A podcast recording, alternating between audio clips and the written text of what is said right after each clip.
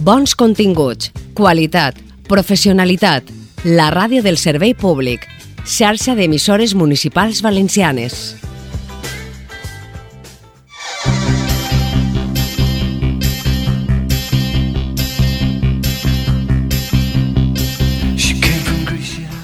Les males companyies acostumen a portar-nos per bon camí.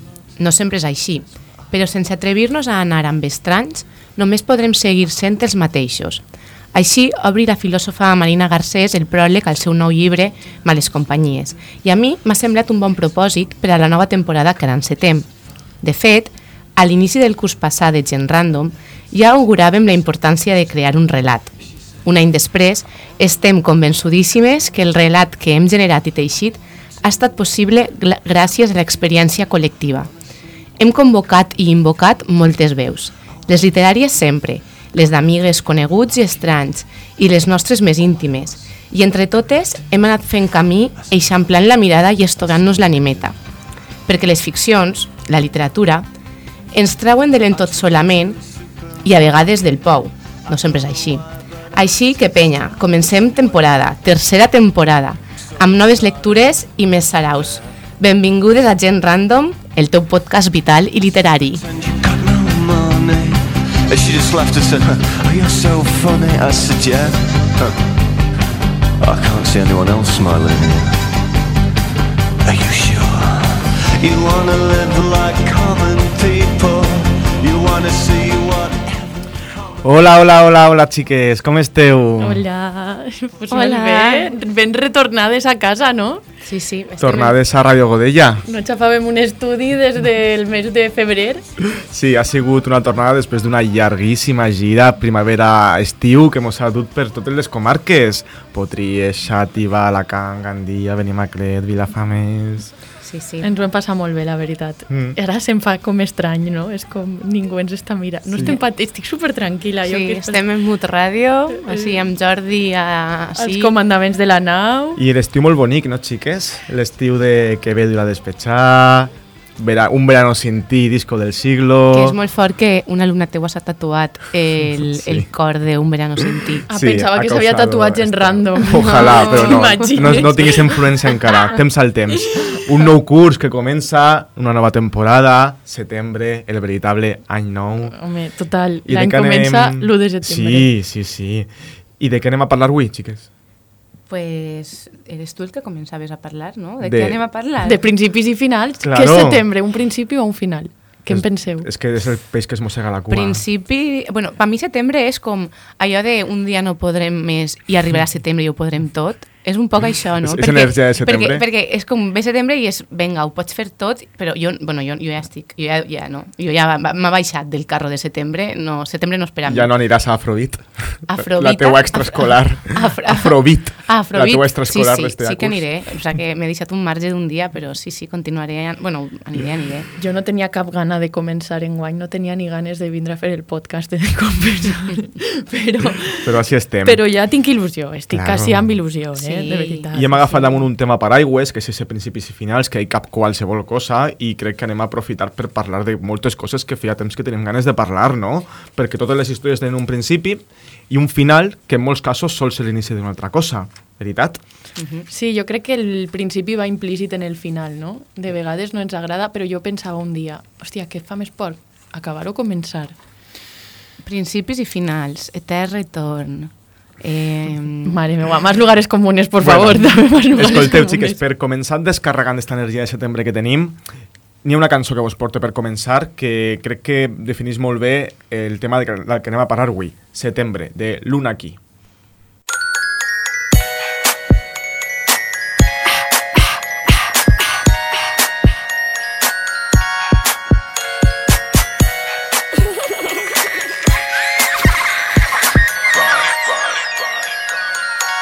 Quémame el piti en la espalda. Que habrá debajo de esa falda. Quizás dos nalgas, quizás un tanga Quizás un manga. No me canso de nosotros dos. Es como que viajo con tu sexo. Es como que voy súper ciego. No puedo más, no puedo parar. Creo que me corro ya. Qué felicidad, felicidad y la puedo tocar ya. Final del verano, pero ¿qué más da? Algo cambiará cuando empiece septiembre. Si voy al cole te podré ver. Estarás a la salida, yo seré tu bebé. Cántame y dime que me quieres, please. Cántame y dime que me quieres. Dime que me quieres. Hago los deberes, te la chupo debajo de la mesa y te mueres. Soy Eminem. ¿Qué tienes tú? Eres tan cute, Winnie the Pooh, hija de Pooh, apaga mi luz, chuliña chu, chuliña chu, come back, bye. Antes eras mi tete, ahora eres mi bebé, come back, bye. Antes eras mi tete, ahora eres mi queimame el piti en la espalda. Bé, com he dit abans, qualsevol excusa és bona per parlar dels llibres que fa temps que tenim en la llista de favorits.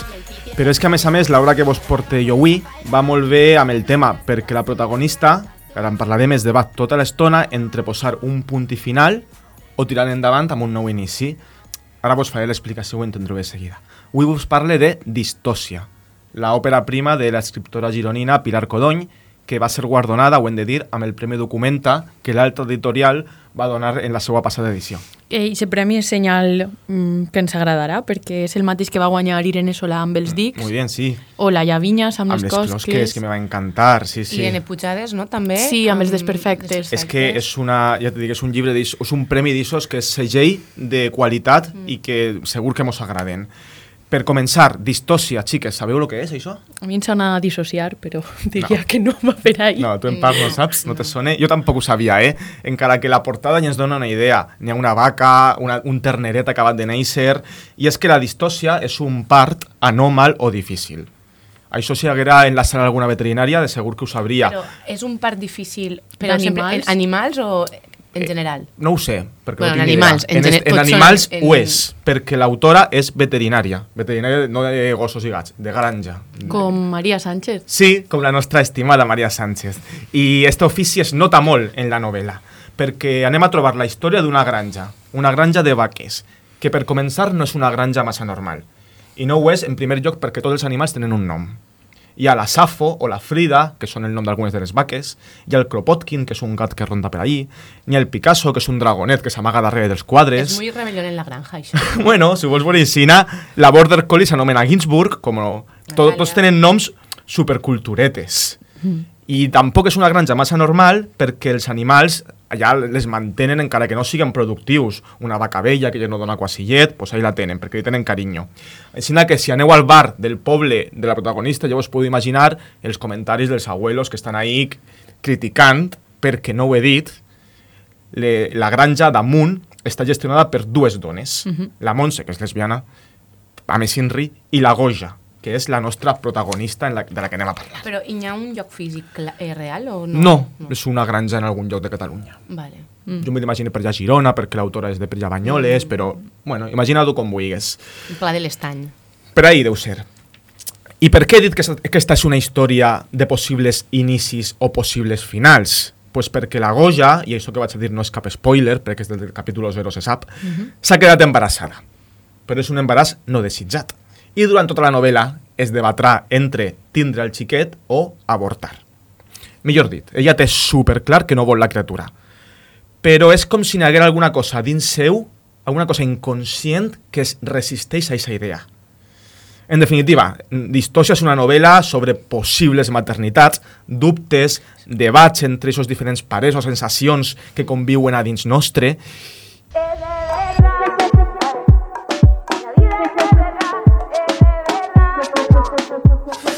Enararen kantuak entzuten Zoriontasuna maindire tartean agindu didate Y en mi ventana vuelve a suceder Un verano dorado vestido de azul que eriza la piel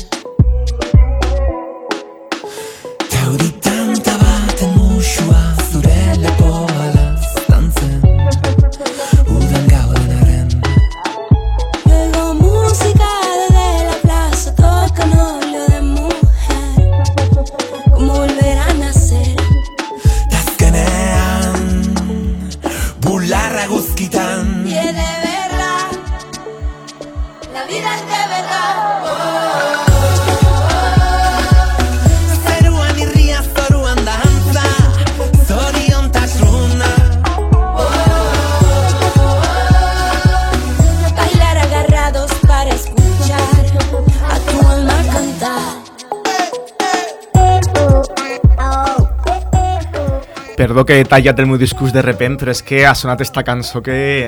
És un temazo, eh? Jo no la coneixia superguai. Soriontasuna, la última producció del Navarro Setac amb bomba estèreo, que és un cant a la felicitat, a les ganes de viure i per a mi una molt bona banda sonora per a posar punt i final a l'estiu. Calla, que avui comença la tardor, estic... És No, veritat. ahir, ahir. ahir. Esta matinada. Bueno, però bueno, estem- no estem quan l'oient escolta això ja serà tardor. Sí.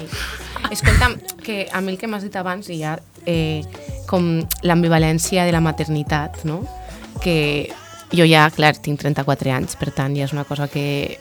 I l'ambivalència està cada volta més present i és com mm, molt heavy el sentiment de, de ara sí, ara no, ara vull ser mare, ara no. I, bueno, entenc la- la- el- el- l'intríngulis, no? O el que faig, avorte, no avorte. Clar, Però- eh, ella rep moltes pressions de l'entorn, perquè ella té, la protagonista té 35 anys també. Però jo crec que és, és això, poc es parla, eh? Bueno, molt es parla, però de, de l'ambivalència eixa... A ella tot molt- el món li diu, recorda que a partir d'ara tots els embarassos són de risc, eh, pensa-te-ho bé, este avortament, encara que no el vulgueres, no el voldràs, vull dir, el, ell t'ha dit que està disposat a tindre-ho en tu, Sí. no sé què... Jo vaig a fer una llança, però jo crec que a partir dels 35 l'embaràs pot passar o no pot passar. Que bo- no, no. Sí, no, pues que, bueno. que l'embaràs... Claro. No, no, no, bueno, és més que- difícil, però clar que pot que passar. pot, pot, pot o no, o sigui, no, el- que l'embaràs no va ser una garantia d'èxit. Ja, Eh, ja. Que a partir dels 35 quedar-te embarassada pot o no pot passar. Bueno, Ah, ja, bueno, no ho sé. Claro. Jo, jo és que encara no estic ahí. Clar, però no sé perquè- si algun dia ho estaré tampoc, no? Però ho veig Però com una és cosa un ultra llunyana. Sí. És Clar, un gran jo tema. també la veig, però és ultra llunyana i en qüestió de 3, de, de 5 mesos o 6 mesos ja no és una cosa tan llunyana, eh? Depèn de les ganes que tingues, no? O, sí, o del teu entorn, del Clar, teu i tant, entorn l'entorn heavy. determina molt, però bueno, no sé si Ja està. sabíeu que, que el temps de gestació d'una dona, 9 mesos, és el mateix del d'una vaca. no, la veritat és que jo... Lanzo de- este dato así random. Dato trivial, dato saber y ganar. No és tan trivial, tan trivial perquè és que l'estructura del llibre va per capítols, i cada, cada capítol és un dia. I comences amb el dia 49. Ah, I arribes hasta el dia... Ah, el- no, del guai. 42 hasta el 59. És com un temps enrere de l'embaràs. Sí, exacte, guai, com que que els dies van avançant, no? eh, entre el dia 42 i 59 d'un embaràs, el cos comença ja a canviar-te. La protagonista parla molt d'això. Diu, mai no havia sentit tant el meu cos. Un cos que se fa gran, canvia, s'expandeix, s'intensifica en tots els sentits, qualsevol olor la fa arrojar. Segur que si alguna persona que ha parit mos escolta sabrà de què li parlem, no? Eh, com hem dit, durant estos dies, la Goja, la nostra protagonista, ha de prendre una decisió sobre si posa fi a la seva maternitat o no. I ella sembla que ho té molt clar, com he dit, i ho té clar que no vol tenir un fill, i ho té clar, sobretot, quan veu a la típica companya d'escola que ha, tinc, ha sigut mare fa poc, i te la trobes en la tenda amb el xiquet, i tot el rato és una mare super repipi, que te diu, mira la meva criatura com si no hi hagués res més en el món, eh, és co- una escena com odiosa, pues ella, clar, té aquesta escena en ment, molt comú, ella la té en ment i no vol. Quan va a la porta de l'escola acompanyant a un home que treballa en ella a recollir la xiqueta d'ell i veu a totes les dones que ja no són dones amb nom i cognom, sinó la mare de, i se junten amb les altres mares de, no? Quan les teves amigues són la classe dels dofins, no? Com, Vull dir, aquell moment que te canvia tot, ella no vol això, ella és que odia les famílies. Ella odia la vida familiar perquè damunt té una relació molt conflictiva amb la seva pròpia mare. que És un conflicte que també és en la novel·la, com la seva mare ha tingut unes limitacions que l'han afectat a l'hora de criar-la, i, i, però no obstant això, alguna cosa dins d'ella, ella diu, si jo fos un animal, sí que tindria el fill. Aleshores el problema és la societat. no? Claro, ella diu, els lligams entre animals són fàcils, són poc exigents. I en la novel·la n'hi ha tot de monòlegs interns de la protagonista sobre un suposat antagonisme entre racionalitat i animalitat.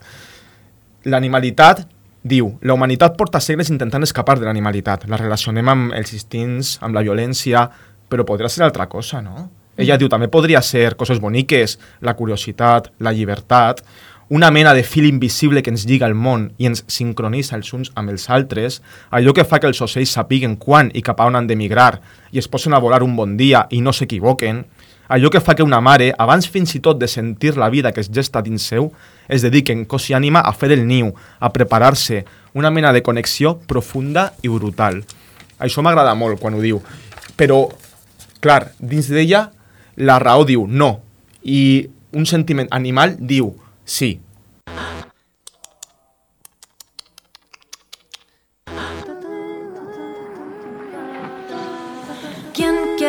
nacer humana, que eso por la humanidad, provocar el fin del mundo, inventar la identidad.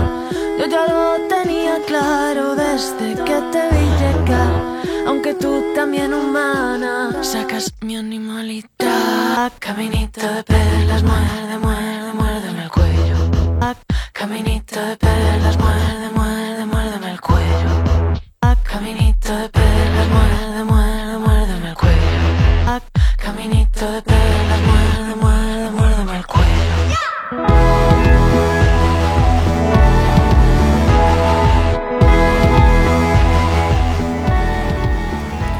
Bueno, xiques, ja sabeu que si parlem d'animalitat no podria deixar de sonar Fiera de mi, de la nostra estimada Maria Arnal i Marcel Magés. Temazo. Temasísimo. Y se viene concierto. Se viene conciertito la semana que ve A on?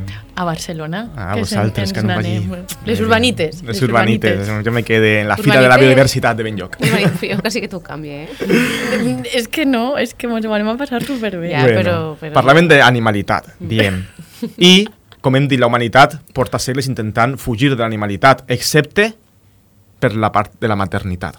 Diu l'autora, pot ser la maternitat siga l'única animalitat no només acceptada per la societat humana, sinó fins i tot desitjable. Cal rescatar del fons de l'ànima una gran part de l'animalitat per convertir-se en mare, nos diu ella. no? És, bueno, en definitiva, si és un tema que vos assalta el tema de la maternitat, esta novel·la crec que vos servirà també per a confrontar diferents tipus, perquè la relació que fa la mare amb dones del seu entorn, dones del seu entorn que volen i no poden i li opressionen, crec que toca molts temes. El, la maternitat és el, com la columna vertebral d'esta novel·la, però sa, també se parlen de moltes més coses que m'agraden molt a mi. Sí, també, si voleu saber el que és la maternitat en la seva expansió, podeu vindre un dia a Gràcia, a la plaça de la Vila, perquè ahir totes les persones s'han s'han abandonat a la criança i de sobte... S'han abandonat a la criança. I de sobte són tot, tot de xiquets i mares que van, queden a esmorzar en els bebès, que ixen de fer el ioga de mamà i tot, i és com, és tot un ritual. Està tot, bueno, per això. Abandonades a la criança. Jo el que m'hi ha donat aquest estiu és que he anat a diversos festivals on hi havia moltes famílies. Em referisc... Mm. O sigui, vull dir, em Bueno, pareix bueno, superbé bueno, no eh, diré- que no l'existència bueno, de les famílies. No diré, no diré No, no. vaig tenir una primera imatge jo de ser mare. No, però... T'ho vaig dir. En Pirineus. Ah, clar, però... Perdó, i en això tanque. El que Sí. volia dir és que hi ha gent pròxima a la meva edat, perquè jo sóc més jove que vosaltres, vull dir, Sempre remarcant-lo. eh, que ja és mare o pare, i a mi això em, em sobta I encara. no vol prescindir de concerts, per no, tant... no, no, i em pareix superguai, Claro, eh? i Vull dir que em pareix... cascos perquè no se Clar, sordos clar, els però com que m'ha sorprès perquè ha sigut el primer estiu post-pandèmia més o menys normal i pense que molta gent que fa 3 anys no tenia fills ara sí que en És que té. la pandèmia ha criat. I de sobte... Bueno, és Jo igual, vos vaig això. preguntar, vosaltres podria vindre si tinguera una xiqueta o un xiquet i me cuidaríeu també? Vos vaig, vos vaig fer aquesta pregunta. Clar que sí. Clar, Bueno, no, no vau dir- no vau El dir deixarem a Jordi, el sí. xiquet, i ja està, allà a la cabina. Bueno, bueno, ja. bueno, eh, vos deixo ja parlar dels vostres inicis i finals, no sense abans parlar, de, com vos deia, d'una altra cosa que m'agrada molt d'este llibre, que com vos he dit, l'entorn és un entorn rural, una granja de vaques, i m'ha agradat molt les descripcions que fa de les feines agrícoles, del dia a dia en una granja de vaques. Es nota, com he dit, que l'autora és veterinària, com he dit adés, i, i que està en contacte constant amb el camp. No? Fa una descripció molt acurada de totes les feines, a més a més, de fugint de la idealització en la que a voltes s'ha caigut. No? En esta novel·la el camp és un lloc ple d'aranyes, de formigues, de mosquits, de bitxos, de plantes que punxen, de merda de gallina que fa pudor, de homes de bar que són desagradables, Heteros de bocadillo gran. Sí, tal qual. Però també és un món ple d'avellerols, d'oronelles, de paisatges, d'aire lliure... N'hi ha un equi- jo crec que està molt equilibrat de manera molt realista, no? Eh, I sobretot, com he dit, de les feines a una granja de vaques. N'hi ha la descripció de la rutina matinal de munyir-les, les revisions veterinàries, el parts dels ternerets, els parts complicats, com clava la mà hasta el colze pel... Bueno, unes descripcions molt acurades de la quotidianitat, però que alhora sempre acaben portant-nos a temes universals com la mort, el destí...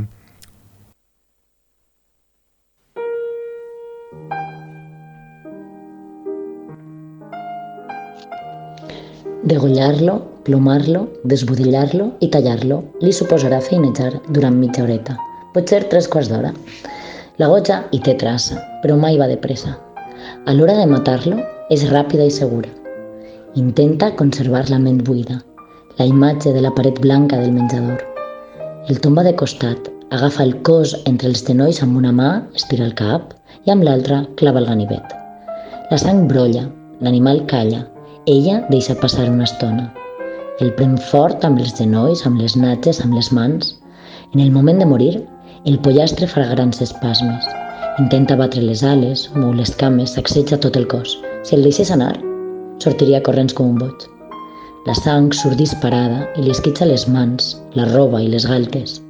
Al final, l'animal estira el coll i les potes i esdevé flàcid, immòbil. A la gotja li ve a la memòria, com un flash ràpid i brusc, la rata que la Ginsburg va matar a l'hort. Aquells ulls sortits, aquell cos aixafat, aquell ésser desposseït de vida, un cos tot sol, matèria pura, vulnerable a la fam d'un altre, vulnerable a la podridura. Quin destí més poc èpic, pensa. Quin destí més absurd. El de la rata, el del pollastre, el d'ella mateixa, el de qualsevol ésser viu. Mors i se't mengen. Mors i et podreixes. Quin destí tan buit i tan paritari. Després de totes les proeses que ens proposem fer en la vida. Després de tots els objectius, projectes, il·lusions. Ja veieu, de la possibilitat de vida a la possibilitat de mort. Gràcies, Alba Cebrián, per llegir-nos este fragmentet de distòcia en què se descriu el que he dit de manera molt acurada com se mata un pollastre. Ja veu quines energies per començar setembre i si xiques, que no patiu si no aconsegueu els vostres propòsits d'anar al gimnàs, que al remat tots anem a acabar al mateix puesto.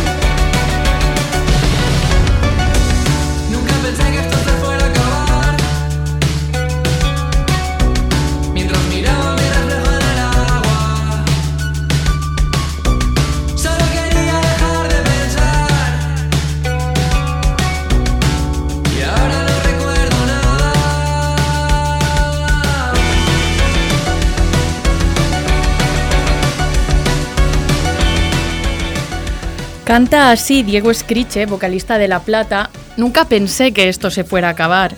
No ens enganyem, som filles i fills de la liquidesa, ho tenim ben assumit que tot té un final. Tot i això, molt sovint ens immergim en les coses com si no anaren a acabar-se mai. De vegades perquè evitem enfrontar-nos a la realitat i mirem cap a un altre costat. Potser no és més que un mecanisme de supervivència, no? Si només pensarem en els finals, amb quines ganes començaríem res? Algunes voltes, però per alguna estranya raó, deixem de tocar peus a terra i acabem creient en l'eternitat. Joder, Lourdes, és que Ah. quina energia per començar. És que, jo, jo no pense que això siga un tema paraigua, jo pense que els principis Sí, i els sí. finals són un tema Sí, clec. sí, a veure, tot s'acabarà, està clar, però és que si pensarem sempre que les coses van acabar-se, entraríem en una espècie de desídia vital que no mos duria a cap de puesto, no? Penso, per exemple, les vostres relacions passades, sentimentals, i aquests moments que pensàveu que aneu a ser eterns, que això podia durar per a sempre. Però són canviants, carinyos. És que som líquids, les, com les circumstàncies, no? I, i per això existissin segurament les Però cançons tristes. Això, això ho comencem a, a entendre ara, Quan estàs allà dins no veus res. clar. Claro, te creus etern. Bueno, Julio y Emilia, els protagonistes de Bonsai, la primera novela de Alejandro Zambra, no renuncien... Bueno, bueno, bueno, bueno, bueno. Ha sonado el nombre. Alejandro No, Zambra, hombre, jo por he de dir fin. que estic supercontent, Lourdes, de que per fi tingues espai És que- així per parlar de la teva obsessioneta. És que hauria de ser gent random obsessions. Principis i finals eh, podria ser el subtítol. Però jo pense que sempre parle d'obsessions. Poques sí, vegades però n'hi ha obsessions de més grans que d'altres. Estàs molt grossa. Estàs... Però és Vull que... dir que al ser aquí la- Lourdes no haya marejat una nit de festa perquè se llisca este llibre. Claro, és que Okay.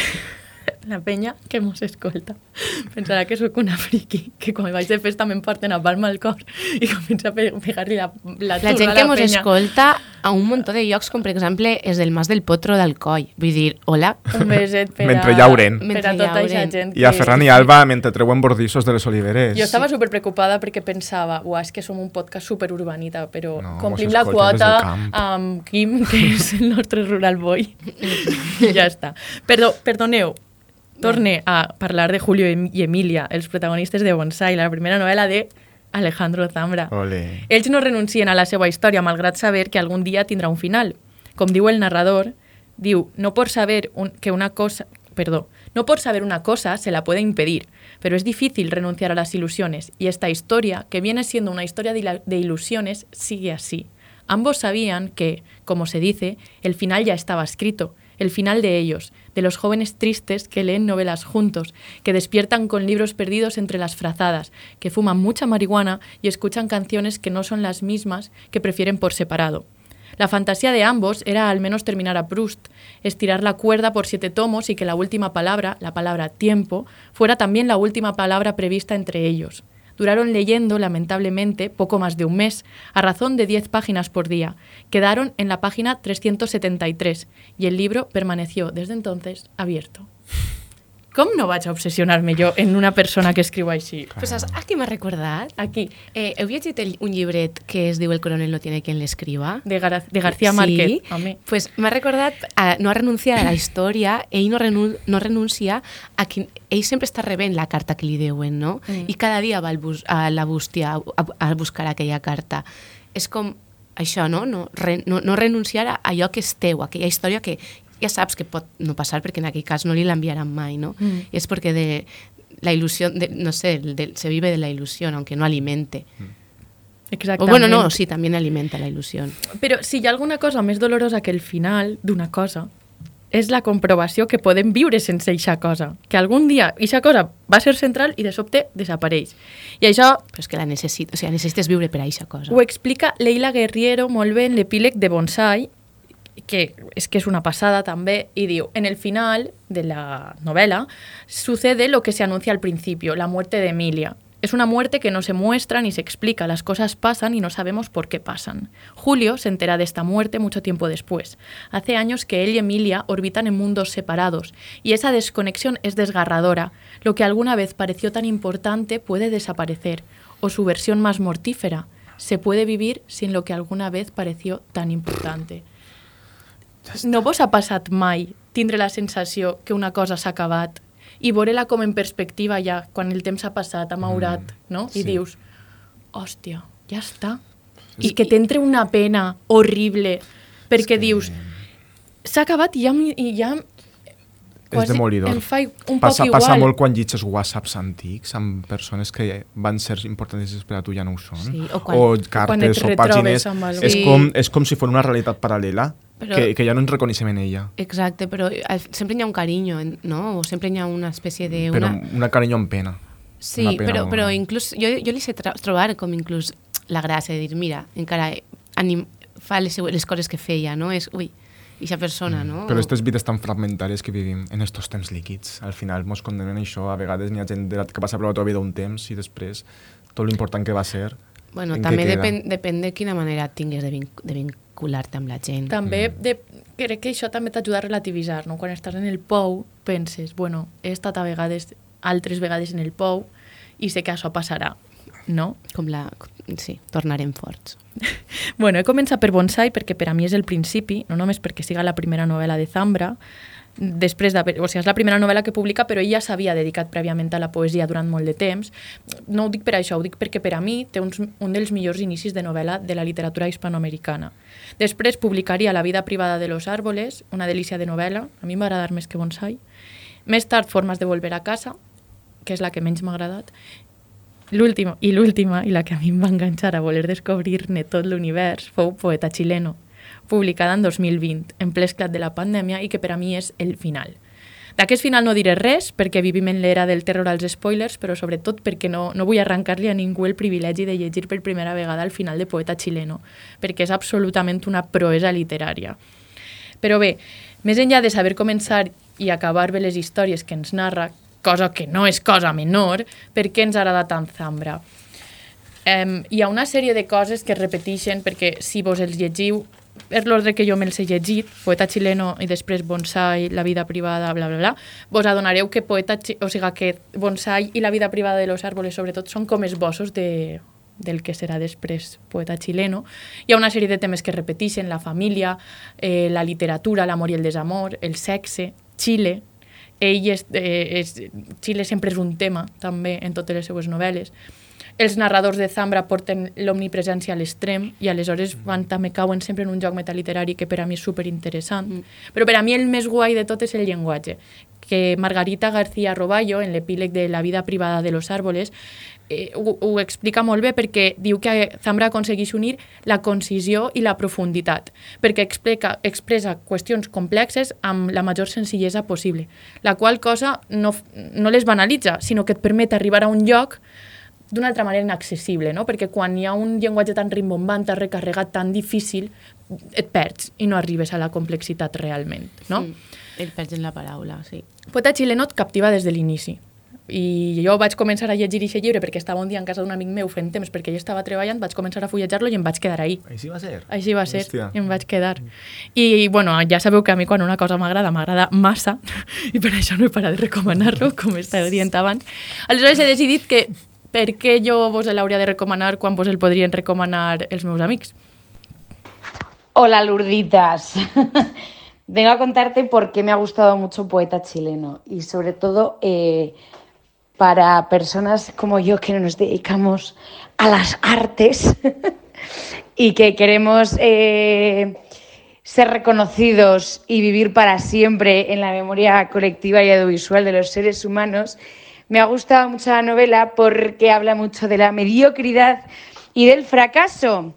Pero a pesar de que no sea una novela especialmente como positiva o feliz, porque tiene cier- ciertas cosas así como incluso pesimistas, me gusta mm, cómo trata ese tema del fracaso, que no es un fracaso en realidad, sino que es eh, pues un poco la vida, ¿no? No, no todos podemos vivir enamorados de la moda juvenil y no todos podemos ser poetas chilenos. Una cosa que em va agradar molt de Poeta xileno és que és una novel·la que diria que transmet una certa vitalitat. I m'explique, perquè no vull dir amb això que siga una novel·la bon rotllista o que continga una història banal o superficial o alguna així.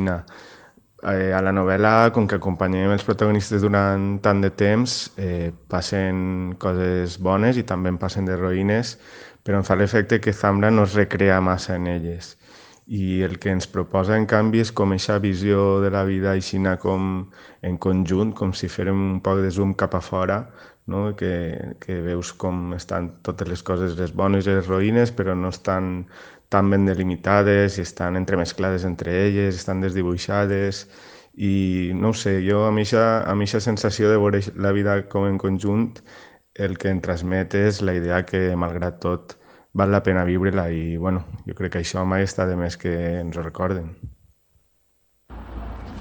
Estoy como en un estado de espera para que vaya pasando el tiempo y se me olvide poeta chileno para poder volvérmelo a leer.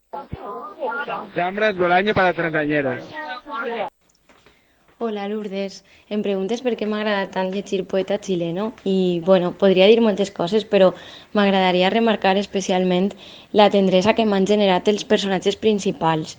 Crec que la manera com els construïs Zambra fa que connectes moltíssim amb ells i amb totes les coses que, que els van passant i això ha fet que també en arribar al final del llibre sentirà una enorme pena per abandonar-los, per deixar de saber què anava a passar amb ells i per això em va agradar tant com tanca Zambra el llibre perquè ell parla d'eixa mateixa pena no? com, a, com a escriptor quan, quan has de deixar ja els teus personatges i em va aparèixer un tancament redó i preciós. La veritat és que no sabria per on començar a parlar de poeta xileno. He de dir que és una novel·la que t'enganxa des del minut 1. Però és que podria dir tantes coses que m'han agradat. Però bé, si de centrar-me en alguna, començaria pel llenguatge. Em sembla que utilitza un llenguatge molt viu i que en boca dels personatges eh, mostra els seus raonaments d'una manera com molt lògica, molt sincera. De vegades m'ha impactat. A més, un altre aspecte del llenguatge que m'ha encantat és la ironia amb la qual tracta alguns temes, especialment aquells que de vegades podrien semblar un problema o fins i tot un tema tabú, com aquell de l'hijastro o la familiastra, perdoneu per l'espoiler. Eh, és que utilitzant la ironia el resol de meravella, perquè al final el que fa és materialitzar-los i per tant ja no semblen tan problemes. Eh, D'altra banda, també voldria destacar la manera en què parla de l'amor. És a dir, és que em resulta absolutament exquisida i realista. També és que mostra un ventall enorme de les possibilitats que hi ha de relacions en les quals hi ha amor i que al final no és tot blanc o negre. A més, eh, jo és que no sóc massa lectora de poesia i m'han entrat moltes ganes de llegir-ne més. I de veritat, ara, pregunta seriosa. Què més li podem demanar a un llibre que te'n descobrisca d'altres? En definitiva, és una novel·la que m'ha encantat i que t'abraça, t'abraça molt fort. Així que feu-li cas a Lourdes perquè a mi ella també me la va recomanar. Una abraçada, gent random. Bé, m'han fet el guió, eh? Ostres, jo encara no l'he llegit, poeta xilena. No pot ser, tu en parles eh? llegit. Tampoc, És que tampoc. no pot Tot ser que tots els teus amics ho han llegit i nosaltres dos no. Però Tot Twitter, fem-me cas i vosaltres, Vosaltres no. És increïble. En casa de l'herrero, cuchillo de Ah. palo. Bé, vull donar... Igual te l'agarra després, qui sap. Clar, vull donar les gràcies a Marta, a Felip, a Guille, a Mateo, a Núria i a Laura per enviar-nos uns àudios tan guais i fer un disclaimer. Zambra és bol año para 30 añeros, però jo encara sóc 20 anyera, torne a repetir. Por poc temps. Però no, m'han agradat molt les aportacions. Eh, mo- mm, menció especial al concepte La vida en el seu conjunt, que esmenta Felip Pineda. M'ha agradat moltíssim i, i bueno, és que tinc amics molt sabuts eh? i molt generosos. Moltes gràcies. I lo de estar en estado d'espera m'ha molat també molt, no? En plan, estic ahí com... A veure quan se m'oblida una miqueta per tornar-lo a llegir. Exactament. Clara,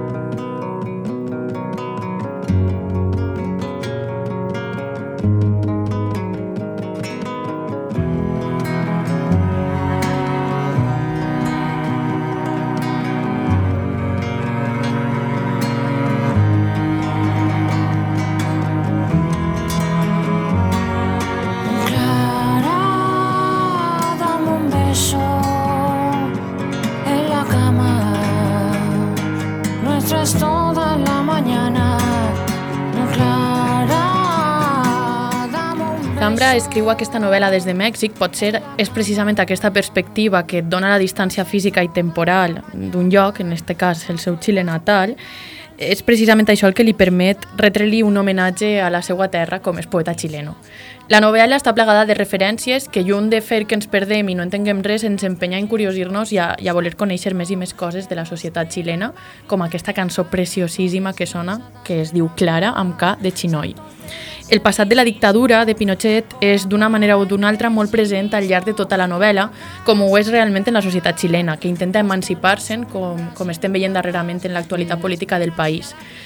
S'ha dit de Zambra que ha sigut un autor que ha posat damunt la taula la necessitat de fer una literatura dels fills de la dictadura per donar una mirada que faça front a les versions oficials i segurament amb poeta xileno ho aconsegueix. Clara, dame un beso en la cama.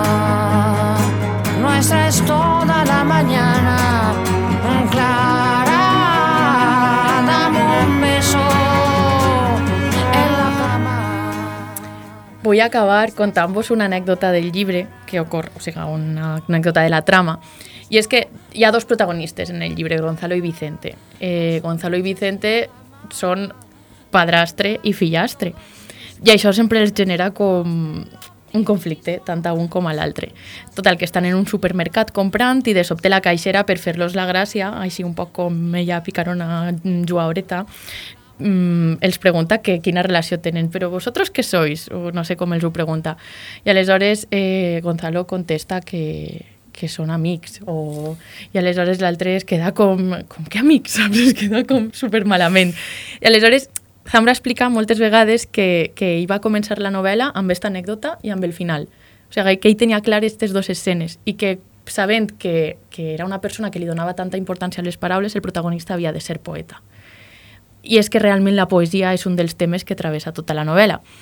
I és que per a mi no només parla poeta xileno de poesia perquè traça una genealogia dels poetes xilens més importants de les últimes dècades, ni tan sols perquè precisament el personatge principal és poeta, sinó perquè la mirada de Zambra capta la poesia que és present en la quotidianitat.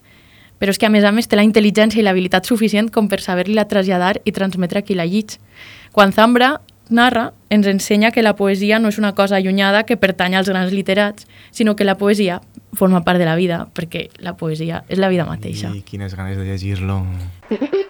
Lo que pasó, a ti te lo cuento. No creas que no dolió o que me lo inventó.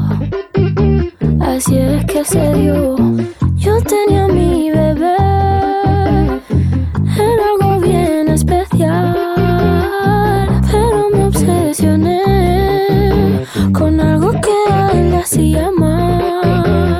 Miles de canciones en mi mente y él me lo notaba. Y él tantas veces que me lo decía, yo como si nada. Es mal amante la fama y no va a quererte de verdad. Es demasiado traicionera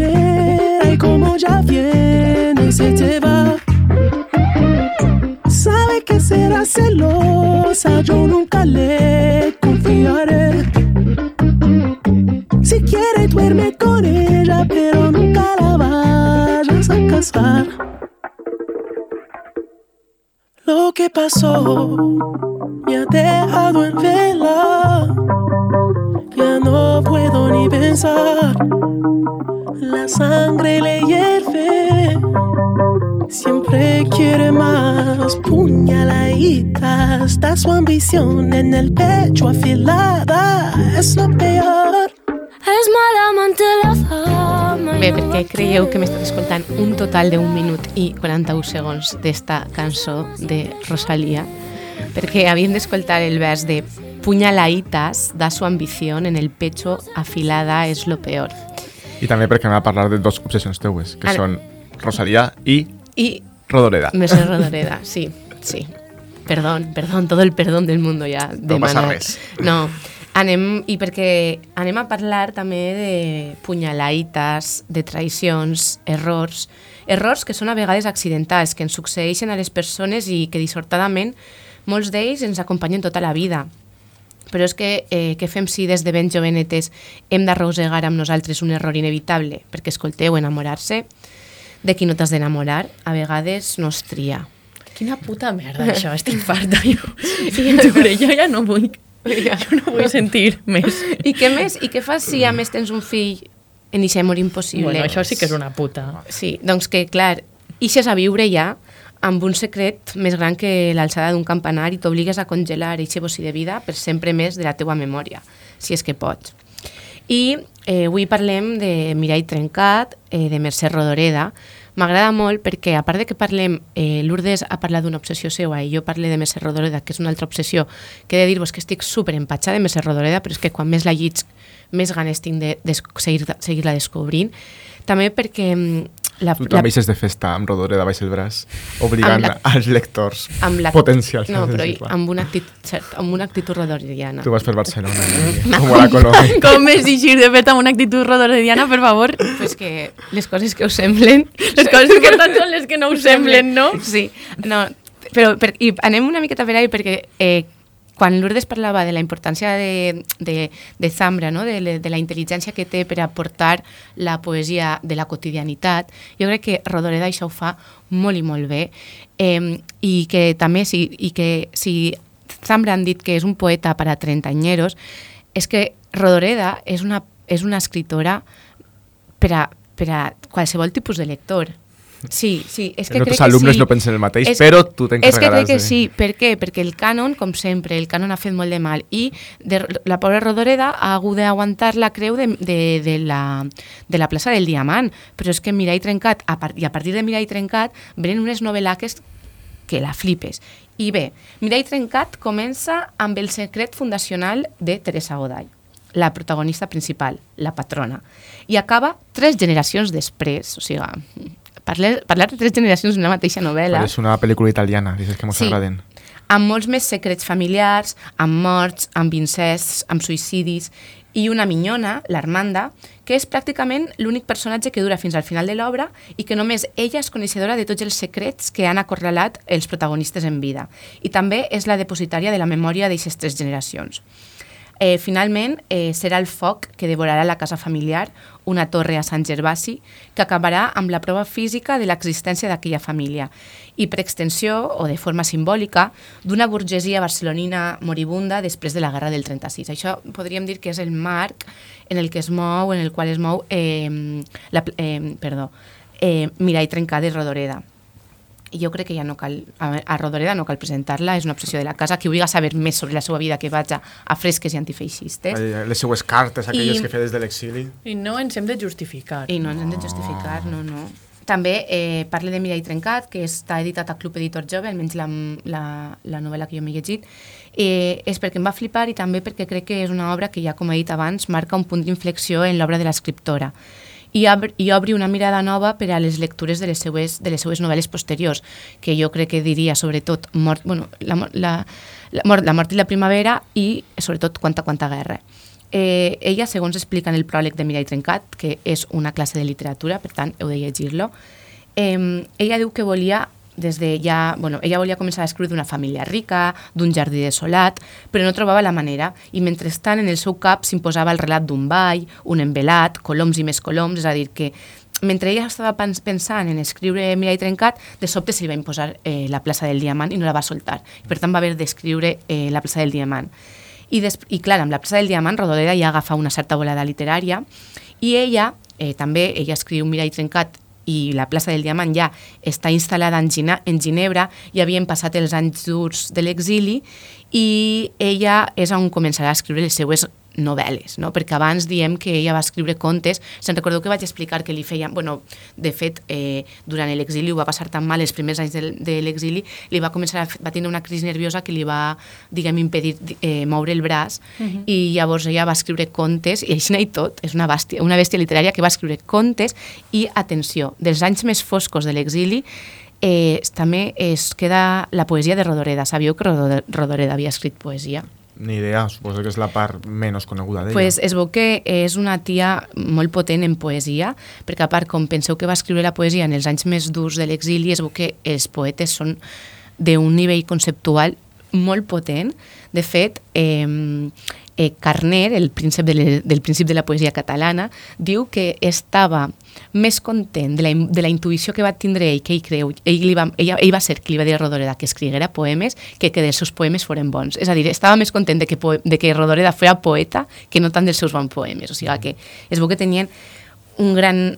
Es veu que són molt potents. I també, com a exemple, diré que Rodoreda, i que ara s'ha publicat l'Odissea de Mercè Rodoreda, que és un poemari en el que ella fa un contrarrelat de l'Odissea. Uau, que guai. Hola, què tal? És a dir, estic en guerra, estem en una, estic en, una, estic en l'exili, estic en la puta merda, però jo vaig escriure poesia i no vaig a fer qualsevol poesia, sinó vaig a fer un poemari que sigui un, que sigui un contrarrelat de, de, de l'Odissea. I de què en parla en este poemari? Eh, a veure, clar, tu pensa que eh, l'Odissea, eh, per a la gent que està en l'exili, sempre és com la novel·la a la, a la qual anar, no? Eh, doncs ella eh, es veu que, bueno, va, Rodoreda es fixa sobretot en les dones que Ulisses va anar deixant i abandonant durant els 20 anys fora d'Ítaca. No només de Penèlope. Mercè Rodoreda, com sabem, va conèixer el seu amant, que ja vam parlar, no? que va conèixer el seu amant en l'exili.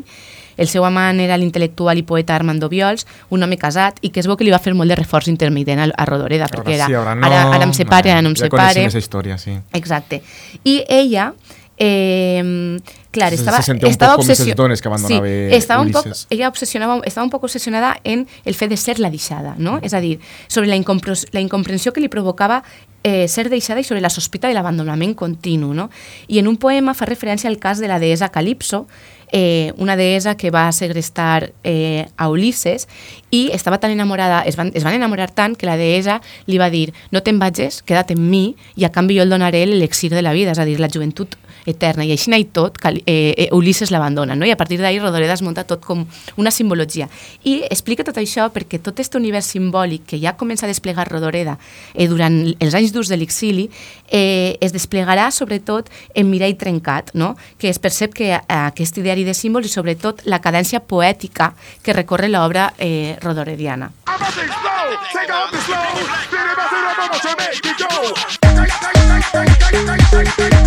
Release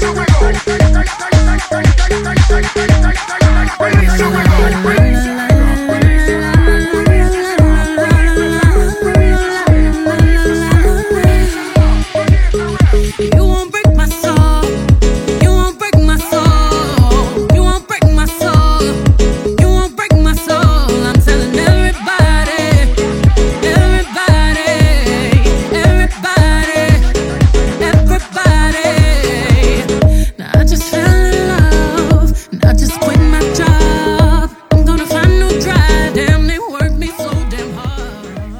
Bé, sona Break My, My Soul de Beyoncé, avui són tot dives. Començant per Rodoreda. Sí. Eh, bé, a mi, Mirai Trencat no la podem explicar perquè són tres generacions, no, podem, no podríem, perquè hi ha molts, és una, persona, és una novel·la molt coral, és una novel·la en totalitat, eh, bueno, en voluntat de ser total, tot, total. Ja farem Eh, un especial Rodoreda, eh? Sí, jo crec que dia. en el pas que anem. Però jo sí que la diria, jo sí que la resumi, resumiria que Mirai Trencat, tota ella, és un accident. Uh -huh. Mirai Trencat és una novel·la on tothom s'enamora de qui no s'ha d'enamorar. I el que va mancat d'amor eh, busca eh, que l'indonen siga com siga. Bueno, això és la vida, Això no? és la vida, Això és exacte. un divendres en la plaça del Glob de Benimaclet, Per- és però tot el món de imagina- qui no s'ha d'enamorar i l'altre buscant l'amor siga com siga. Sí, exacte. Tres generacions, però tu fixa't, tres generacions cometen els mateixos errors sense parar, germans enamorar-se entre ells, Bueno, amors això és perquè impossibles. no Benimaclet, eh? Eh, començant pel món dels adults i acabant pel món dels infants, eh, el món dels infants sempre com a metàfora de l'adult, eh, tot pren una dimensió de tragèdia grega. Tenia així una cosa apuntadeta, però crec que ho prescindirem pel temps. Eh, però vaja, el que volia dir... Era el croquis de tots els personatges Sí, sí, gràcies sí. entre ells, perquè Sí. era complicat, podem dir que era complicat, ja Sí, per això jo simplement vos diré una coseta, a veure què penseu d'això. Eh, L'home de Teresa, Salva, bueno, el segon home de Teresa, Salva, que és la, diguem que és la patrona de casa, la, eh, Salvador Valldaura, home, un home burgès, tal, Teresa ve d'un origen humil, això també ho, ho heu de tindre clar, eh, va, eh, va es- escrivint sobre el passat amorós, diu, he estimat la Teresa, però no sóc l'home que ella necessitava perquè un racó important de la meva ànima li ha estat vedat sempre. De vegades, quan havia volgut fer l'amor amb la Teresa, que pobre fer l'amor, sentia en el palmell de la mà la dolçor del pit de la Bàrbara que em cremava. Aquest foc, en, en aquest bocí de pell, em tancava les portes del plaer. La dolçor del record de la Bàrbara no es pot comparar a cap altra dolçor. Bueno, a mi esta idea... La Bàrbara és l'amant? La Bàrbara és una amant que va tindre que es va suïcidar. Eh, a veure, eh, jo vos dic, a mi esta idea de que mai m'estimem, que en, en tots els nòvios en els que he estat mai m'hauran estimat prou, prou, prou, prou perquè m'han vedat un tros d'ànima, uf, em pareix una miqueta com, bueno, la vida, no? La vida. És a Tu dir, creus que t'has obert totes les parts del teu clar, clar, és interior que jo tampoc ho sé. i no ho han fet jo crec, és que jo crec que no, això tampoc ho sé. Però és que jo crec que ahir hem de parlar d'una altra cosa. Sí, sí, sí, de tres afectes i tal, però bueno, però escolta, que venim d'on venim i les ficcions i la Clar, literatura però jo li diria a Salvador Valldaura, Salva, tranquil, pots haver estimat a Bàrbara d'una manera i a Teresa d'una altra. Sí, sí, Teresa, però escolta'm, que Teresa, per això Teresa va tindre els seus, els seus, les seues cosetes, Clar, no clar, passa clar. res. Sí, sí, ella no. Bueno, eh, això és un poc fullotonesc, i ella ho diu, eh, però eh, a partir d'ahir la complexitat dels símbols, la riquesa del llenguatge quasi poètic i les referències a la literatura universal li donen un toc fosc, orin, oníric i fantasmagòric d'una profunditat brutal.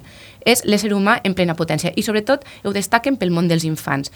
Eh, uns xiquets convertint-se, bueno, que eh, suïcidant-se, casant-se amb un llorer perquè la branca del llorer l'estaca al cos i de, de, de sobte la Maria, que és la neta de Teresa, es converteix mig àngel, mig fantasma i estarà vagant per la casa fins que la casa un es crema. quadre de Dalí. un- Sí, total. I, per exemple, els objectes punxants prenen molta dimensió, el foc pren molta dimensió, i, i vaja, eh, tot això que no es pot dir en paraules perquè vull dir a Rodoreda, és el que fa que la simbologia de l'obra siga brutal. Tots els teus futurs tatuatges, en part.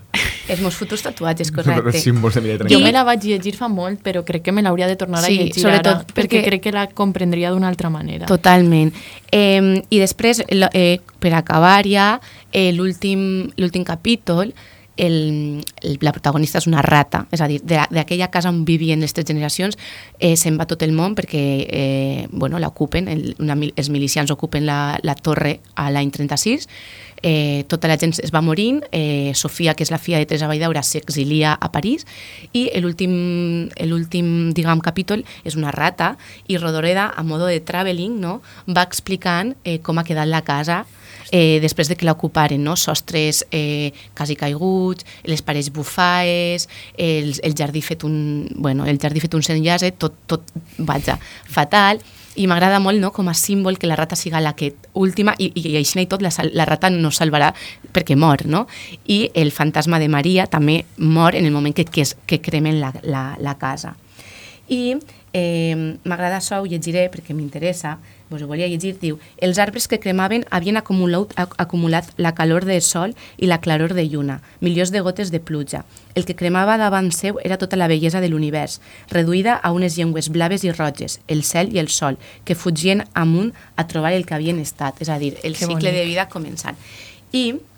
Principis i finals. Principis Perdoneu. y finales. Y, y otra cosa que iba a decir. Las llamas son bonica, bonitas porque no tienen orden y el fuego es bonito porque todo lo rompe. I això ho diu Rosalía a Flor de Sakura.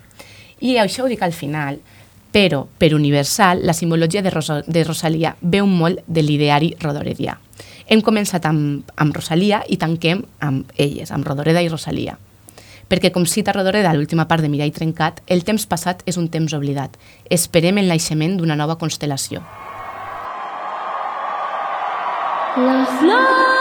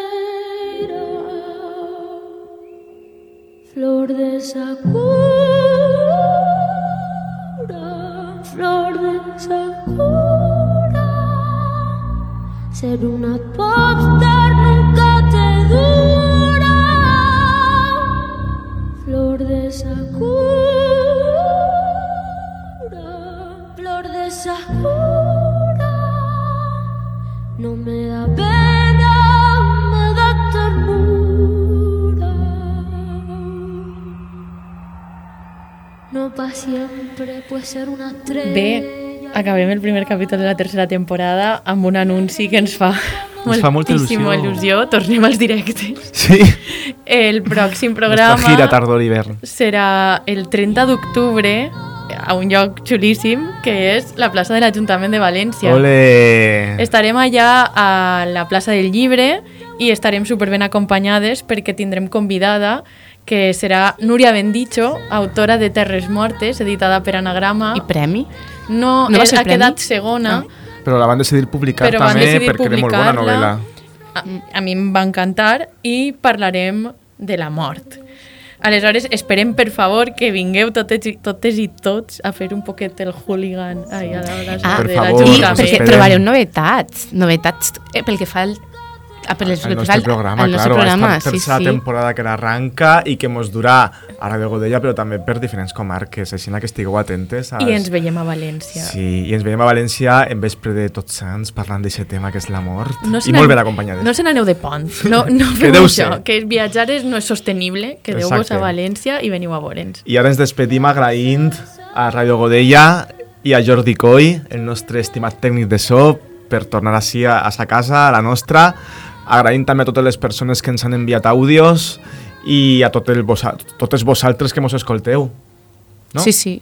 Muy Molt bien. bé, no res, res més a afegir. Ens veiem a l'octubre. Una abraçada I ens gran. quedem escoltant Flor de Sakura de Rosalia. Adeu. Adeu. Adeu. Ser una popstar nunca te dura. Flor de Sakura,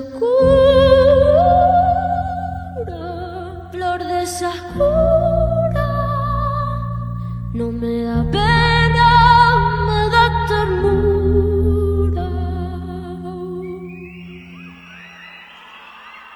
La que sabe, sabe que si estoy en esto es para romper. Y si me rompo con esto, pues me romperé. Y que solo hay riesgo si hay algo que perder. Las llamas son